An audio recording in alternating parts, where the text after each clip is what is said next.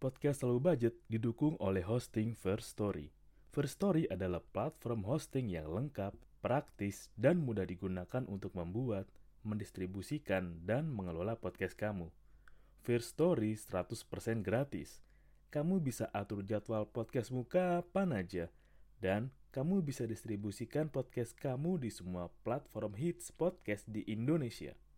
First Story punya fitur keren yang bisa membuat kamu lebih dekat dengan pendengar kamu loh. Sudah penasaran belum sama First Story? Eits, ada lagi nih. Dengan First Story Ads, kamu bisa monetisasi podcast kamu juga. Menarik bukan? Gapai potensi maksimal podcastmu dengan tools dari platform hosting terbaik untuk para podcaster. Daftar sekarang di First Story. Mari bawa mimpi podcastingmu menjadi kenyataan. Halo semuanya, selamat datang di podcast Low Budget. Gak harus mahal untuk nikmatin hidup barengan gue Doni Wicaksono. Sebelumnya gue mengucapkan terima kasih buat para petugas kesehatan, petugas medis, tim gugus, dan orang-orang yang berada di garda terdepan dalam menangani pandemi COVID-19 ini. Tuhan menyertai kalian, Tuhan menyayangi kalian, dan terima kasih. Jangan lupa juga pandemi belum selesai, ya masih ada juga yang positif walaupun nggak banyak tapi tetap harus waspada. Covid belum belak belum berakhir dan jangan lupa pakai masker. Uh, udah lama juga sih nggak bikin episode. Sebenarnya pengen juga bikin cuman uh, nanti dulu deh. Uh, pas banget sih momentumnya ketika kemarin tanggal ini kan podcast ini kan dibuat tanggal 5 mau masuk tanggal 6 sih. Udah ya tanggal sorry eh tanggal 5 sekarang uh, tanggal 3 kemarin ada berita ya Coki Bardede ditangkap karena narkoba dan soal KPI yang ada kasus perundungan di sana. Ya berita yang tabrakan banget sih dan ada juga berita tadi gue sempet cek uh, pemberian ini sih uh, remisi pada pelaku pencurian malingan uang negara gue ngikutin itulah yang media menggunakan kata koruptor sebagai maling, rampok dan lainnya.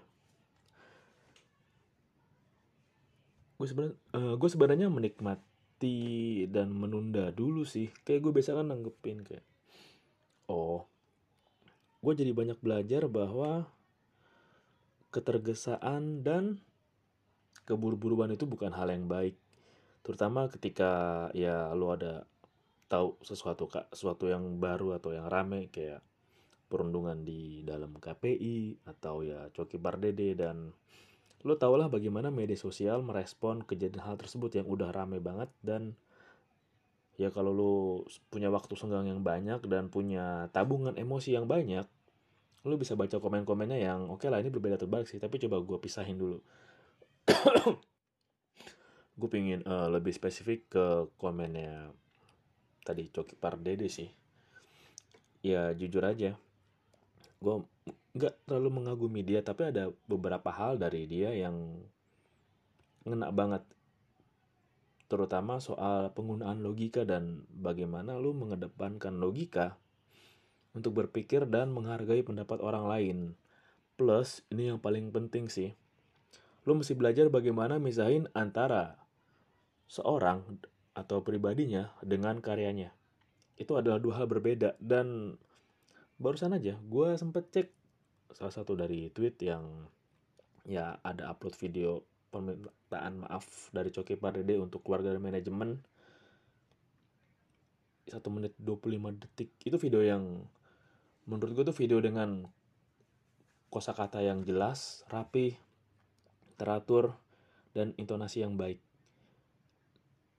biasanya kan kalau artis ketangkap gitu kan diminta maaf kepada seluruh rakyat Indonesia tapi di sisi sini Bang Coki bisa berada pada posisi yang eh, gue minta maaf untuk keluarga, untuk para manajemen dan orang-orang yang menunggu atau menikmati karya gue. Dan kalau sempat ngeliat komennya emang ya lo gak usah heran sih bagaimana internasional memberikan penghargaan yang sangat baik untuk warganet kita. Tentang kata-katanya, pemilihan ya kata-katanya pemilihan gaya bahasanya lah yang ya orang gampang banget nyinyir kok. Kayak gue juga suka bahas ini di beberapa episode podcast gue sebelumnya. Ya bahwa anjing perut gue bunyi. Kayak masih lapar gue orang itu lebih gampang nyinyir atau komen aja. Ya kalau nyinyir sih semua orang juga bisa kok. Kayak lu nggak butuh logika untuk bisa berpikir lu nggak butuh daya guna atau konsumsi daya otak lu untuk nyinyir untuk ngehina orang ngejatuhin orang.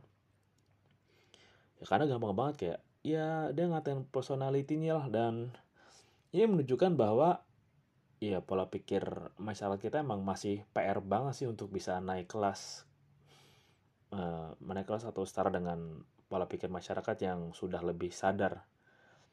Karena yang membedakan adalah kesadaran dari berpikir ini. Ya kesadaran diri, kesadaran berpikir, kesadaran untuk memilih tutur kata yang mau diucapkan, kesadaran untuk berperilaku juga. Kesadarannya masih jauh banget ketika lo, lo mau lihat dari reply-reply-nya. Dan ya secara dijelasin juga kenapa orang-orang dan warga kita bisa begini pas banget sih. Kayak kemarin gue sempat lihat post Instagram dari Mas Hasan ya bahwa ada orang-orang yang emang nggak puas atau ada orang-orang yang kecewa dengan kehidupannya. Dia nggak tahu nih mau ngelampiasinnya ke mana. Kayak gue nggak kecewa dengan cara gue ya bekerja atau dengan pernikahan gue pertemanan gue relasi gue dan gue ngelampiasinnya itu melalui ekspresi ke orang lain jadi kalau lo mau pisahin lagi nih, kenapa banyak warganet yang komennya suka berdebah? Bisa jadi ya mereka sebenarnya nggak puas dengan kehidupannya, mereka nggak puas dengan relasinya, mereka nggak puas dengan hubungannya, pernikahannya, pertemanannya, ekonominya, tapi mereka bingung mau ngelampiasinnya ke mana dan mereka melampiasinya melalui mengatai orang lain ya mencibir orang lain merendahkan karya yang mereka ya paling juga nggak nikmatin juga. Karena kita kan lebih ya lo nggak bisa nolak dong. Kadang gue juga pun demikian lebih menikmati konten-konten gratis daripada konten premiumnya dan bagaimana sangat disayangkan nggak salah sih. Bagaimana lo harus tahu. Disayangkan banget sangat disayangkan. Gue suka komedi gue suka banget meme gue suka hal gambar lucu video lucu atau sarkasm sarkasm atau hal-hal yang ini lucu tapi butuh mikir dulu nih. Itu tuh kita udah mulai ya lo juga harus lo nggak bisa nyangkal kalau kita udah mulai kehilangan rasa kemerdekaan dan kesenangan untuk menikmati humor. Ya di mana media sosial udah mulai rusak fungsinya karena ada buzzer karena ada orang-orang yang uh, generasi boomer pada belajar pakai Facebook. Yang tadinya pun medsos juga tadinya hal yang menyenangkan tapi jadi hal, -hal yang nge-share politik lah nge-share hal, hal dikit viral lah. Dan gue, gue juga pernah post deh kayak lu kalau mau viral lu mau ngapain? Buat apa lu viral? Kalau viral hal yang nggak faedah dan manfaat dan ya balik lagi. Kalau ini hmm, bisa dibilang sebagai tips lah kalau misalkan nanti one day lu suatu saat lu post sesuatu terus banyak orang ngehujat lu banyak orang yang mencibir lu banyak orang yang maki-maki lu anjing-anjingin lu ya nggak usah terlalu nempel hati ya. Anggap lu bisa asumsikan dengan atau lu bisa memberikan judgement lu sendiri bahwa mereka adalah orang-orang yang nggak puas dengan kehidupannya. Berusaha mencari pelampiasan namun nggak tahu caranya makanya mereka ngatain ke lu ya kalau mau dibandingin mereka coba misalkan mereka mengerti dalam konteks Coki dulu ya. Mereka misalkan oh gue nyinyir ah karya apa sih karya Coki bla bla bla. Dia punya konser yang konser stand up yang mau diadain September. Itu kan tanggal 3 kemarin ada tadi posternya gue lihat. Atau karyanya apa? Off air banyak sih yang not safe NSFW ya? Ya gue masih susah banget ngapain nih ya karya itu emang karya seorang seniman ya gitu. Nggak bisa samaan dengan eksak atau hukum pasti dan gue pernah juga sih baca beberapa artikel yang bilang bahwa ya ketika lo menjadi seorang artis seniman ya lo butuh. Gue, gue juga pernah bilang di beberapa episode yang lalu gue lupa. Ketika lo menjadi seniman atau lo menjadi seorang artis lo butuh beberapa kali ngeledakin kepala lo lo perlu punya pistol yang ditembakin ke dalam kepala lo buat nembakin semua ide-idenya. Dan ini juga lo kalau tahu Robin Williams ini juga mengidap depresi kan dan beberapa komedi lain ya. Ketika lo berkomedi dan lo sering yang lucu menghibur orang lama-lama juga akan ada kekosongan dalam diri lo nih. Semakin lo ngelucu semakin lo menghibur orang lama-lama kekosongan ini makin gede dan lo butuh sesuatu untuk mengisinya. Ini juga udah dibilang sendiri sama Coki deh kalau nggak salah. Dan sama Bang Panji juga kalau nggak salah yang the cost of being funny. Harga untuk sebuah kelucuan ya di mana yang di mana untuk lo menghibur orang mewakili suara orang melalui komedi misalkan itu butuh sa butuh, butuh syarat dan upaya yang besar apalagi ketika lu merasakan itu kan di tahun sebelum 98 di mana berkomedi itu sangat ya beda banget dibanding sekarang kalau sekarang berkomedi kan udah banyak genrenya dan ini juga sih pernah dibahas juga kok kalau lu mengikuti beberapa kontennya Coki atau ya Bang Panji atau beberapa diskusi lain uh, bagaimana selera komedi itu mempengaruhi pola pikir juga. Kalau misalkan lu masih seneng dengan selera komedi yang jatuh gitu kan dikejar jatuh atau tabrakin diri atau ceng-cengan fisik ya lu bisa menilai sendiri atau lu bisa lihat ya orang-orang yang kayak gitu ya pola pikirnya beda banget dengan orang yang menikmatin komedi yang ya mesti mikir dulu lah atau yang berhadapan dengan sehari-hari lah yang yang lebih lu butuh satu dua tiga detik deh. Dan emang sih kadang pun gue juga suka nggak dapet tuh kalau dia bagiin jokes gitu di lini masa gue tapi ya udah nggak apa-apa lah mungkin emang marketnya bukan gue dan gue bisa menikmati komedi dengan cara lain. Dan gue nggak tahu sih mungkin dalam beberapa saat gue lagi libur dulu menikmati karya bang Coki.